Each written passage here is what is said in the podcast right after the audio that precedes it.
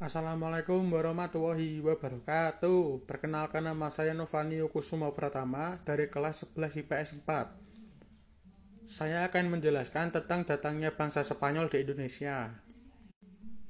Bangsa Spanyol datang ke Indonesia tepatnya di Maluku pada 8 November 1521.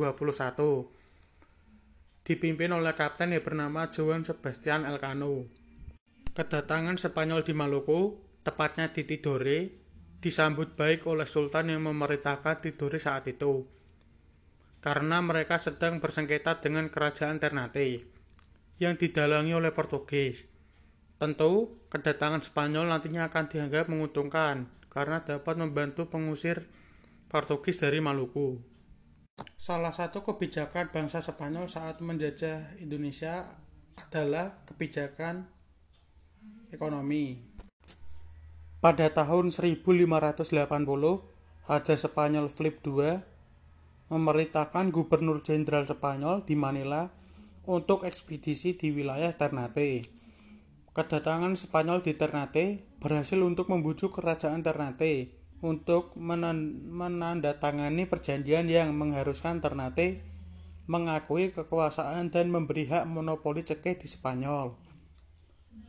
Selain itu, Kebijakan ekonomi yang diterapkan oleh Spanyol di Indonesia adalah mengenai kebijakan barter yang dilaksanakan di Pulau Jawa.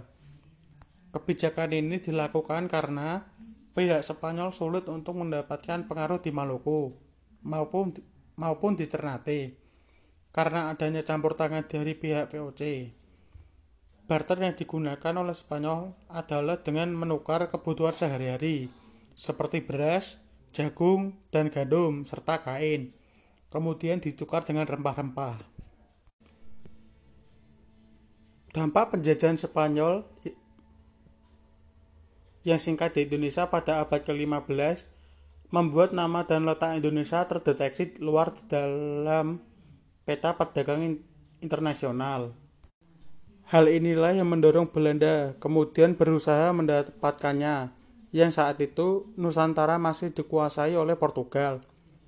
Usai mengalahkan Spanyol dalam kolonialisme di Nusantara, hal ini yang mengakibatkan Spanyol menyingkir ke Filipina.